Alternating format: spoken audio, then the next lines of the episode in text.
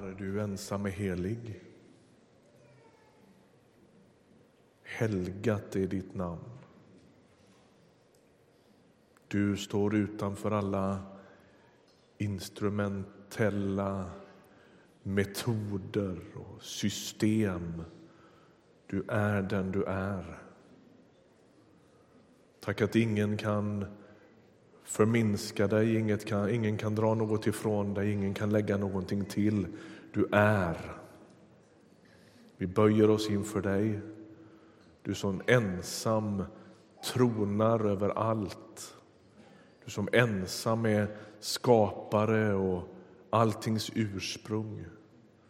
Du som ensam är alltings högsta domare. Du som ensam ska väga hela världshistorien en dag. Vi böjer oss inför dig. Helig är du. Helig är du. Ingen annan är som du. Tack för att du i din makt och majestät och höghet också vänder ditt ansikte till oss i Jesus Kristus. Tack att du inte är långt borta utan du är nära. Tack att du inte nyttjar din helighet till att döma och fördöma på det sättet som vi tänker oss ibland utan du kommer nära i barmhärtighet och nåd, tålamod. Herre Jesus Kristus, vi böjer oss inför dig. Ingen är som du. Amen. Varsågod och sitt.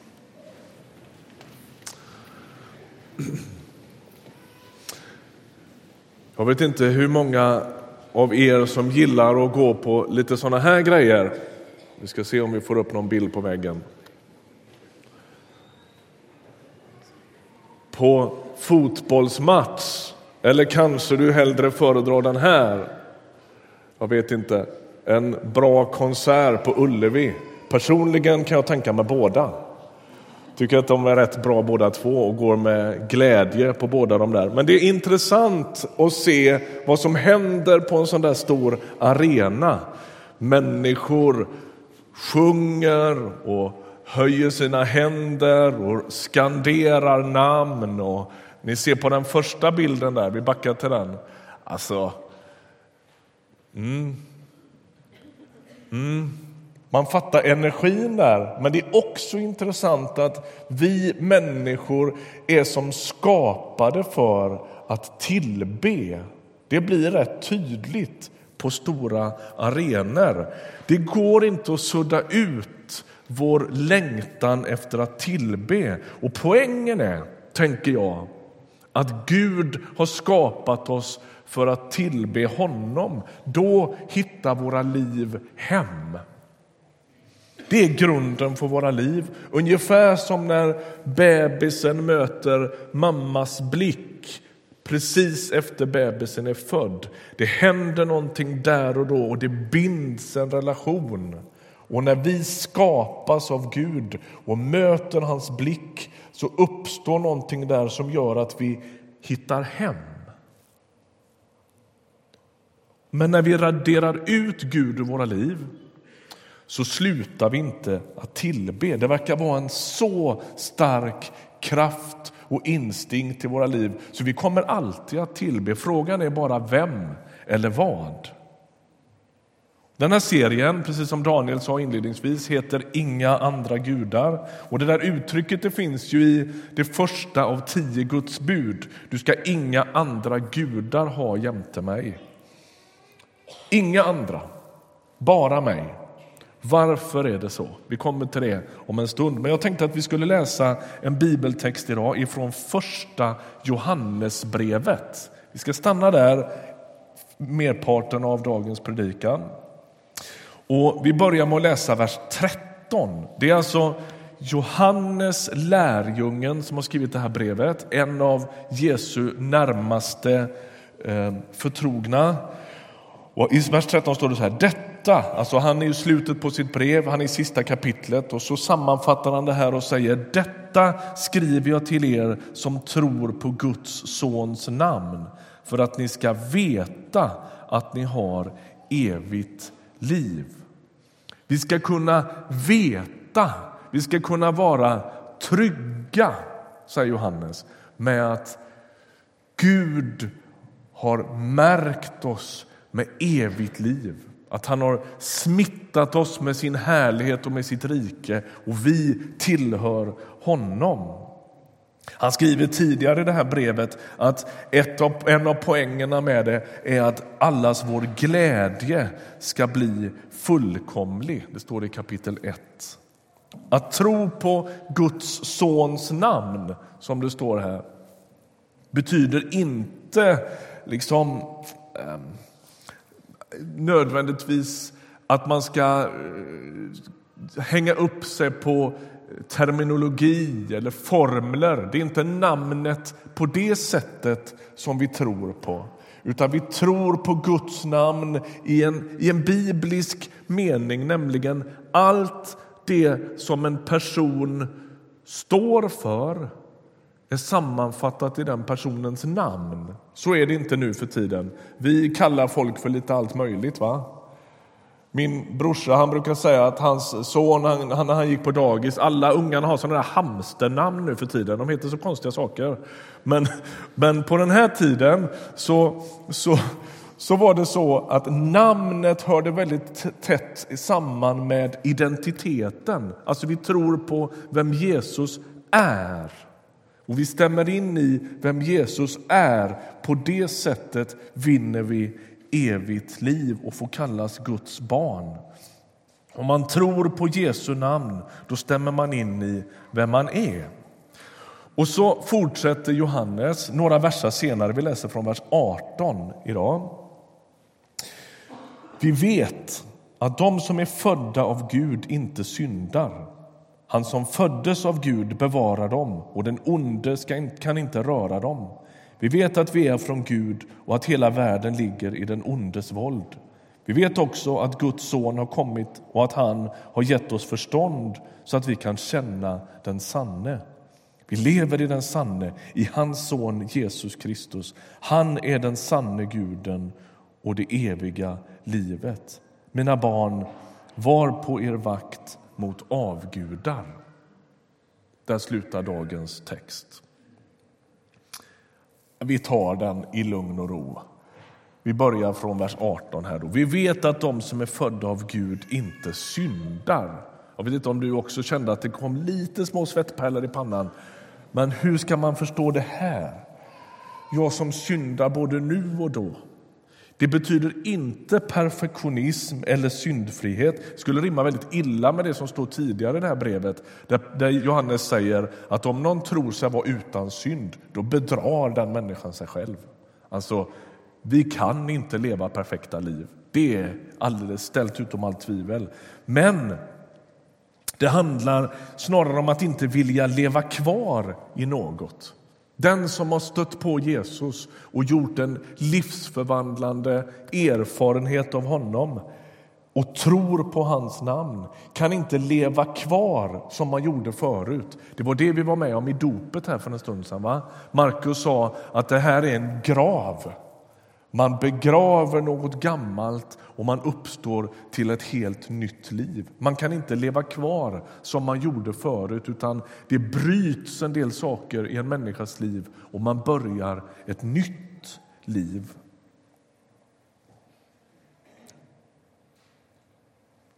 Man vill inte längre leva kvar i synden och man är inte längre hjälplös slav under synden utan Gud förser en med en sorts tillgänglig kraft att bryta destruktiva mönster i sitt liv.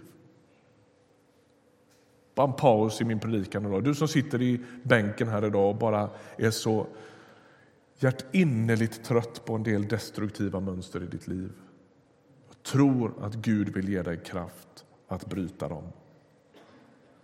Han vill det. Vi är födda på nytt av Gud själv. Och står det i den här texten. Va? Och han som föddes av Gud, står det plötsligt här. Det är lite lek med ord, vilken ju är Jesus själv. Han bevarar oss. Den onde har tillfälligt världen i sitt våld, och han, men han kan inte röra oss. Det betyder inte att du inte är med om någon fight i livet, men du, du, du finns i Guds hand och han tar inte sin hand ifrån dig. Det finns ett beskydd i att leva överlåten till Jesus och att tillhöra honom. Vi lever i ett beskydd under Jesus. Synden och ondskan kan inte fullständigt övermanna oss. Du behöver inte vara rädd. Och så stegras texten här. Va? Guds son har kommit, står det i den här.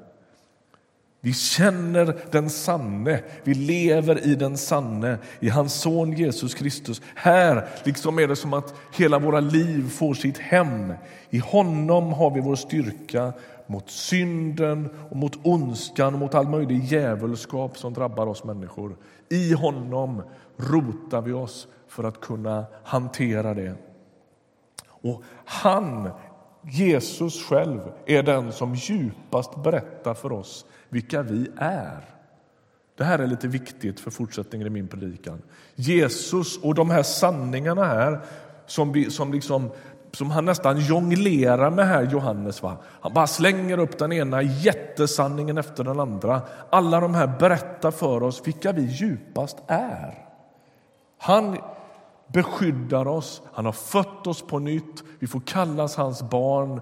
Ehm, Guds son har kommit till oss. Här finner vi vårt hem. Vi är älskade, förlåtna. Han har sökt oss, han har funnit oss, han har gjort oss till sina barn och till medlemmar i hans familj. Han har kommit till oss genom Jesus Kristus och han har visat både oss individer och hela världen vem han är. Han har helt enkelt älskat oss in i sitt eget rike. Så är det. Och det som sägs om Jesus här, det handlar... Jag vet inte om du tänkte på vad det stod här. Den sanne, står det vid flera tillfällen här. va? Eh, vi, har, vi, kan lära, vi kan känna den sanne och vi lever i den sanne.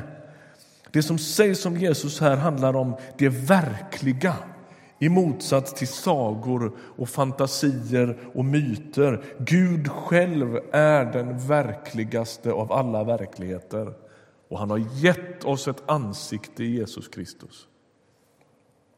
Vilket klimax i det här brevet. Det är som att han sparar inte på något Johannes. Han bara trycker in alla möjliga fantastiska stora sanningar om vem Jesus är och vilka vi därför är. Nu säger han väl ändå amen. Nej, men då är det som att han klämmer in en liten extra vers som inte känns som att den hör dit. Du vet, man tycker han skulle liksom dra i mål allt det här. Han är den sanne guden och det eviga livet. Amen! Borde han inte göra det? Då klämmer han till med en liten, liksom... Mina barn, var på er vakt mot avgudar. Det känns som att han börjar på något nytt. Eller hur? Vad konstigt. Men kanske är det inte så ändå. Det är som att allt det goda Gud har och Gud vill ge till oss, det har nu målats upp för oss. Och så kommer vi hem om vi vänder oss till Gud och han berättar på djupet vilka vi är och det där ger våra liv rötter. Kontrasten till det är avguderiet. De yttre hoten, säger den här texten, kommer inte åt oss. Den ondes makt är begränsad. Det finns några olika tjusiga bildspråk för det i bibeltexterna. Dödens udd är bruten. Det är som att den onde går runt med ett spjut med bruten spets. Jesus har liksom tagit upp den där spetsen i sin egen kropp och ondskan är avväpnad. På något ställe beskrivs han som, som om han var ett rytande lejon. Men han är tandlös, det där lejonet. Han är avväpnad. Det ser inte ut så i världen, men i tro får vi lita på att en dag kommer det att bli väldigt tydligt att Jesus äger hela tillvaron. Den ondes våld är temporärt.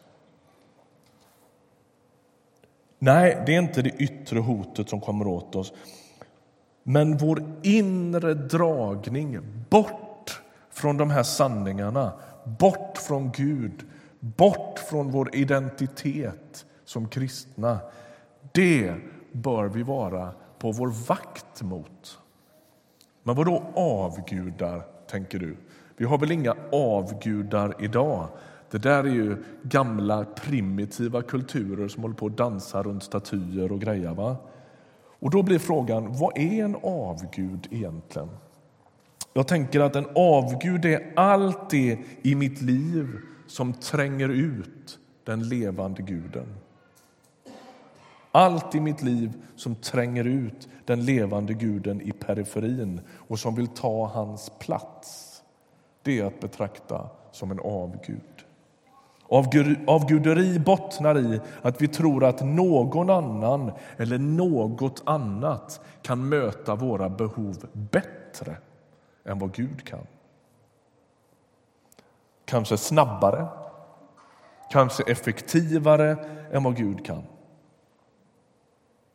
Och kanske att det hjälper oss att inte prata just i termer avgudar för att det leder tanken lite fel liksom, till en del eh, kulturer i Afrika eller Gamla testamentet. Eller så här, va? Men om vi pratar om avgudarna som makter som försöker förslava oss så kanske det hjälper oss att förstå och avslöja det här. Därför att tillbedjan, som ju är tematiken för den här serien, handlar om vem man tillerkänner makt. Vem är det som har makt? Det är det vi sjunger om i de här sångerna. Jesus är den som har makt, påstår vi i kyrkan. Och avguderiet handlar om att man ställer sig under någon annan makt. I Bibeln så vet ni, där händer det gång på gång att de troende både i Gamla testamentet, Israels folk och i Nya testamentet, de kristna ehm, befalls att böja sig under olika statyer. Det hände bland annat i Daniels bok, ni vet med Sadrak, Mesak och Abednego. Och de här, va? Och grejen är att genom att inte böja sig för de här statyerna så visar människor i Bibeln att de inte står under de här makterna. De här makterna äger inte mig. De här makterna identifierar inte vem jag är. De här makterna berättar inte för mig varken vad jag ska göra eller vem jag ska vara. Utan de här personerna som står upp när alla andra böjer sig, de säger vi står bara under den levande Gudens auktoritet. Det är han som bestämmer vilka vi är.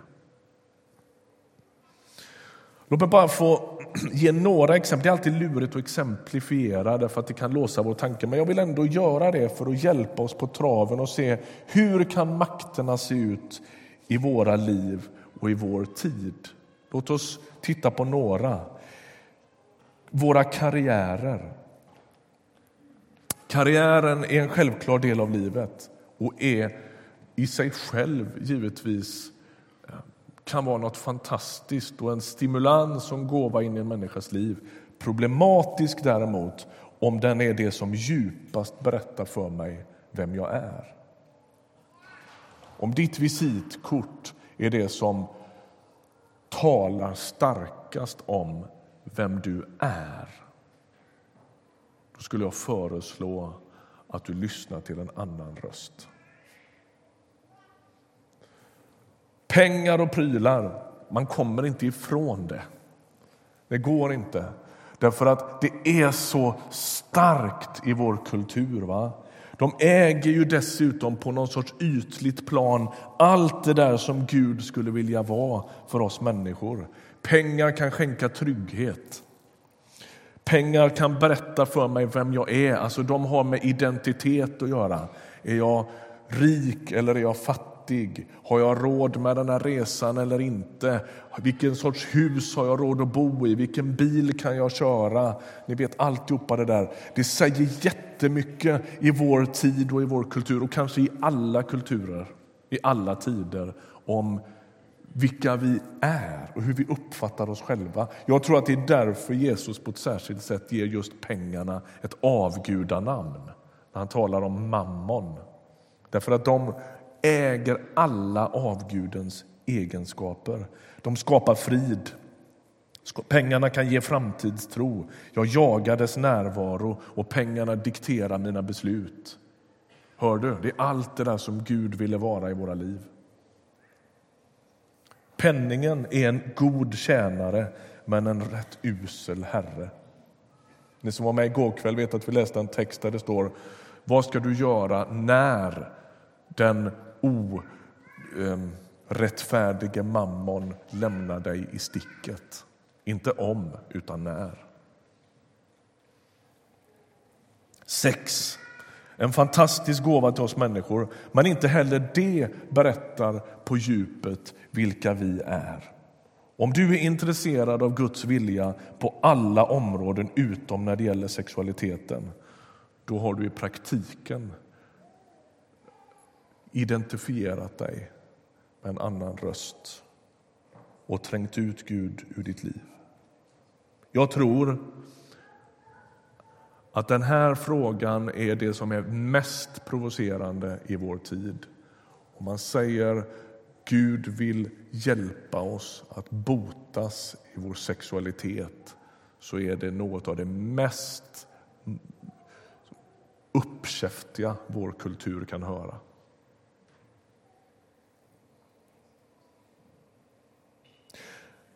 Nationalism en av vår tids stora avgudar. Och president Donald Trump blir ju någon sorts ärketyp för detta, eller hur? När han säger America first med handen på Bibeln. Vad är det han säger då? Ja, han säger massvis med saker med det. Va? En kristen kan inte säga Sverige först. Guds rike kommer först. Och det är Guds rikes bästa vi söker. Det är inte svenskheten som djupast definierar vilka vi är. Det är Jesus som gör det. Och den dag Sveriges intressen krockar med Guds rikes intressen då visar det sig vart du har bundit din lojalitet. Det här kan givetvis också se ut på tusen andra sätt. Men det är här som den här vaksamheten och urskiljningen kommer in. Hör vad jag inte säger då. Jag säger inte rädsla, jag säger vaksamhet. Jag tror att det är skillnad på det. Avgudarna, säger Bibeln, de kan inte hjälpa, de kan inte hota heller i meningen att de äger någon sorts reell makt att förändra världen. Är de inte oförargliga då? Kan vi inte bara strunta i alltihopa och låta oss slarva runt med vilka avgudar vi känner för. Nej, deras problem är att de drar vår blick bort från den som vill ge oss vår djupaste identitet. Om Jesus söker berätta för oss vilka vi djupast är, som vi såg i den här texten. Du är Guds barn, du är älskad, du är beskyddad.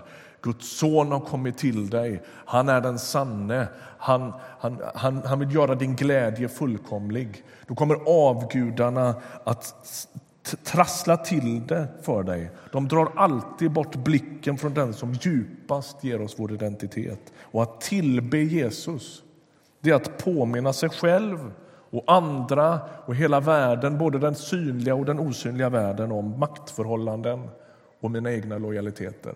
När jag tillber Jesus i en kyrka så berättar jag för mitt eget hjärta och för alla som vill lyssna och de som inte vill lyssna jag böjer mig under honom och det är han som djupast definierar mig.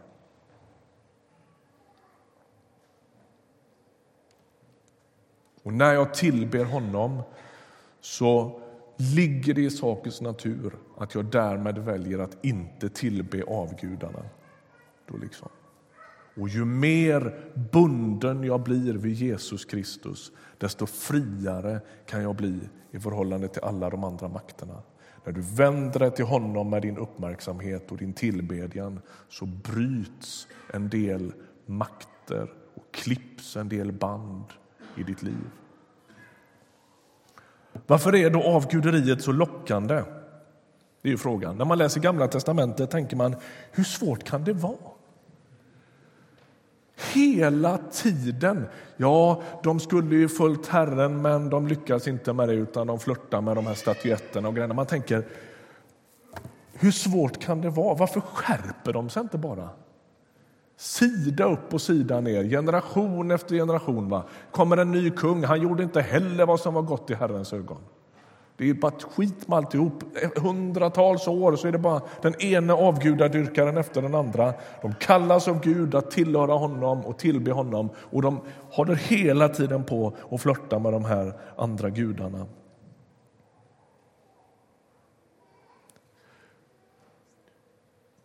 Historiernas historia i Gamla testamentet i den här frågan det är ju givetvis när folket gjuter den här guldkalven de har kallats ut ur Egypten, som är den gammaltestamentliga stora frälsningsberättelsen. Faraos makt bryts och de kallas ut ur Egypten.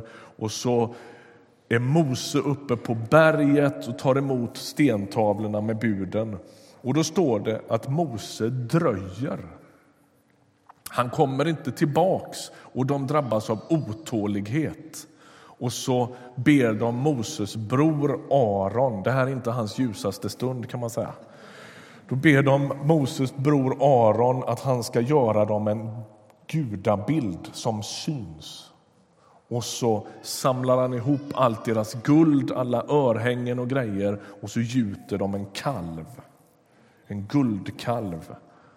Och så dansar de runt den och så festar de och Aron blir lite förskräckt. Oh, det här var inte riktigt tanken och snart kommer Mose och så. Så han sätter upp ett altare framför till den levande guden. Men skadan är liksom redan skedd.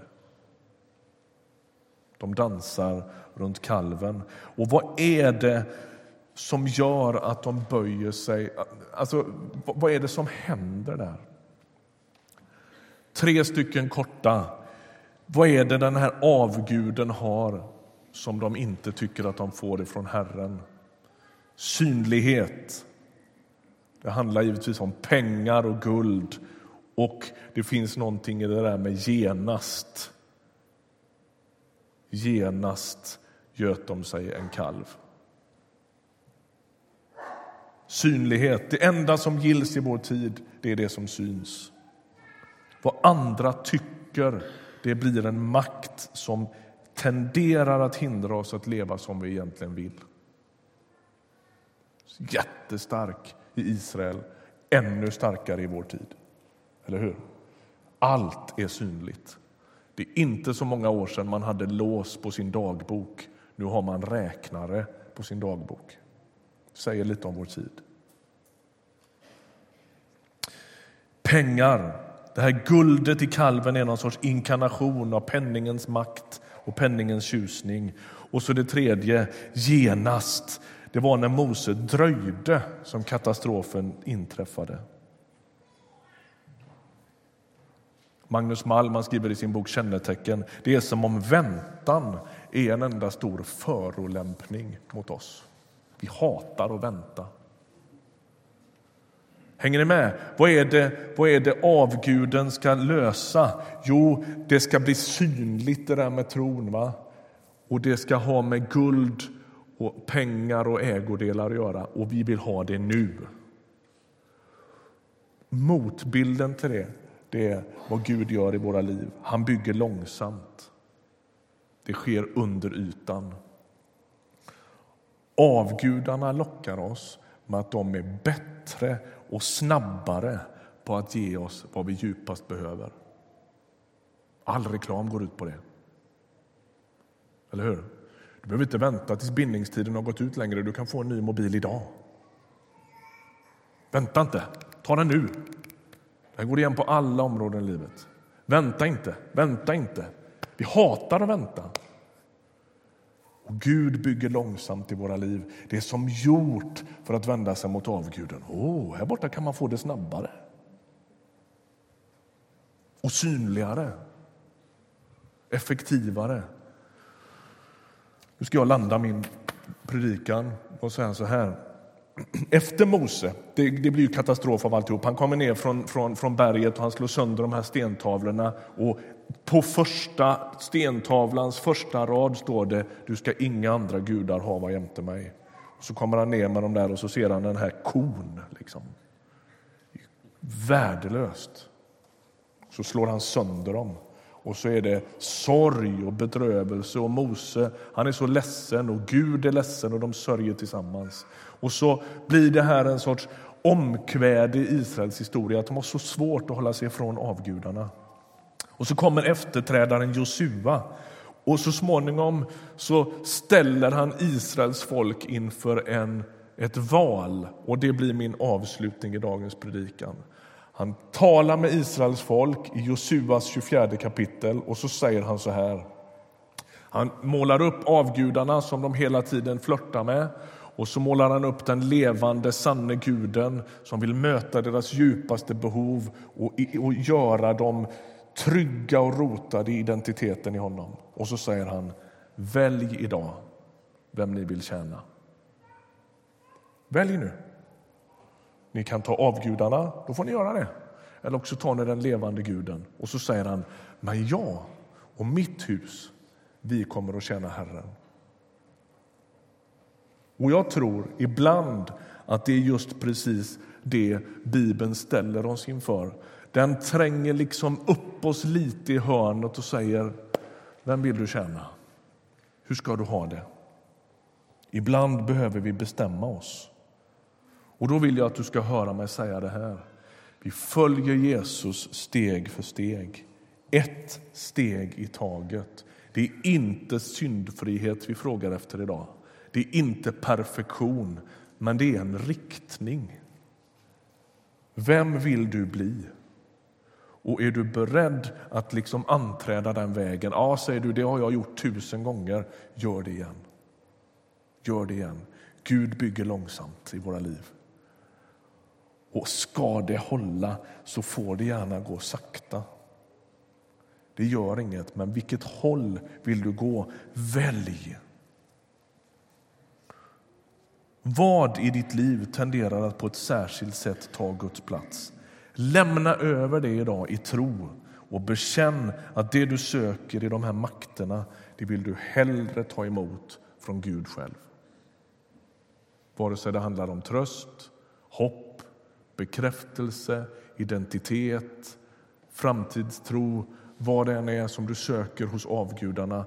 Vänd dig till Jesus och säg, jag vill ta emot det från dig istället.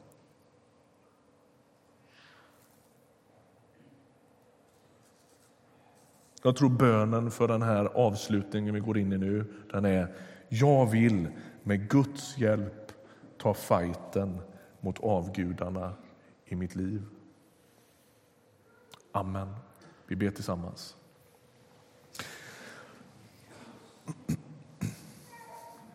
Herre, tack för att du är så närvarande, att du finns här.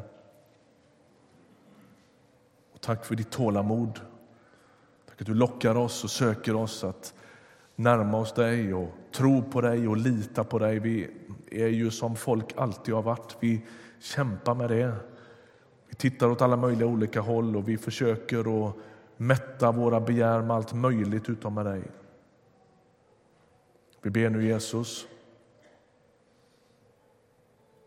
Lys på våra liv. För dig är allt klart. Vi ber om en sorts klarhet här och nu.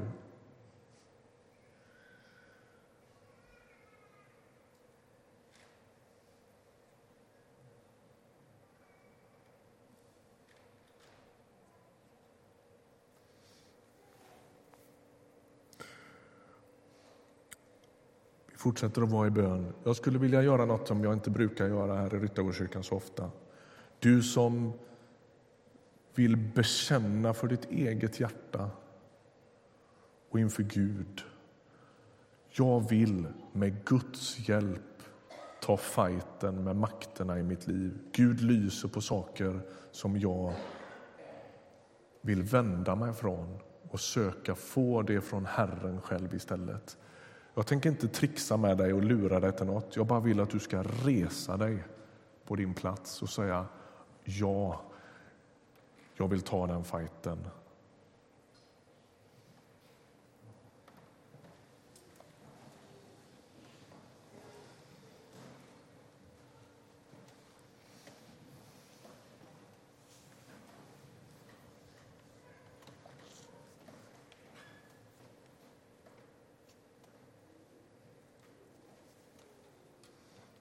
Herre, du tar varenda människa på djupaste allvar. Känner var och en som står här vid namn. Tack för vad du gör i deras liv. Jag ber att du skulle bryta makterna som förslavar oss. Jag ber att du skulle hjälpa oss med det som drar vår blick bort från dig. Helig Ande, fyll våra liv så att vi kan lära känna dig. Fyll våra liv så vi kan lyda dig. Fyll våra liv så vi kan likna dig. Jesus Kristus, vi ber om frihet från det som binder. Bryt det i Jesu Kristi namn. Vi ber om mod för alla som står här nu. Tack för det modiga steget att resa sig inför dig. Fortsätt, fyll på med mod att ta kloka, heliga beslut inför dig. Tack att du hör oss när vi ber. Amen. Amen.